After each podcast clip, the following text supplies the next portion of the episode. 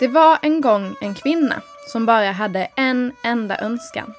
Att bli oändligt rik. Och som av en händelse så råkade hon också bli det. Och nu när hon var så rik så tänkte hon att det vore synd om hon skulle dö nu när hon hade det så bra. Så kvinnan bestämde att hon och hennes familj skulle flytta till ett ställe där man inte dog.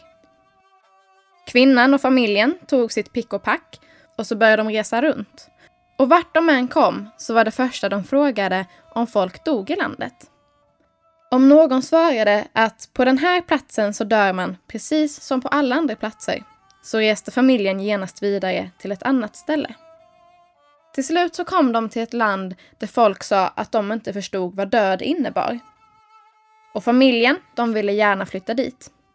Kvinnan frågade om det inte var väldigt många som bodde där om ingen dog. Men svaret blev att vi är inte så många som bor här. För då och då så hör någon en röst som kallar på dem. Och då kan den personen inte låta bli att genast resa sig upp och gå iväg.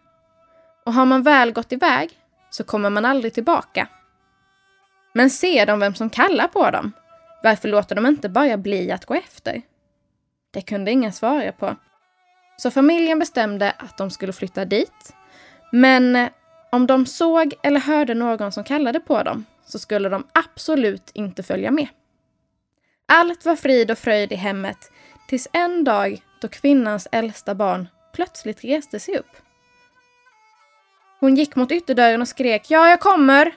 och kvinnan förstod direkt vad som höll på att hända och gjorde allt vad hon kunde för att stoppa barnet. Men det gick inte. Och hur hon än försökte så försvann barnet ut genom dörren. Familjen väntade och väntade, men barnet kom aldrig tillbaka igen.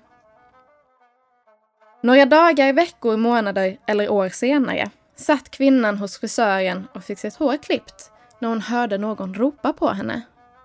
Nej, jag tänker inte komma dit, ropade kvinnan. Men rösten fortsatte att ropa och ropa. Och till sist blev kvinnan så tokig att hon tog frisörens sax och så började hon springa med saxen efter rösten som ropade. Och kvinnan sprang och sprang och märkte inte att till sist sprang hon ut över ett stup. Och så dog även kvinnan som inte ville dö. Men vart de andra som rösten ropat på tog vägen, det är det ingen som vet.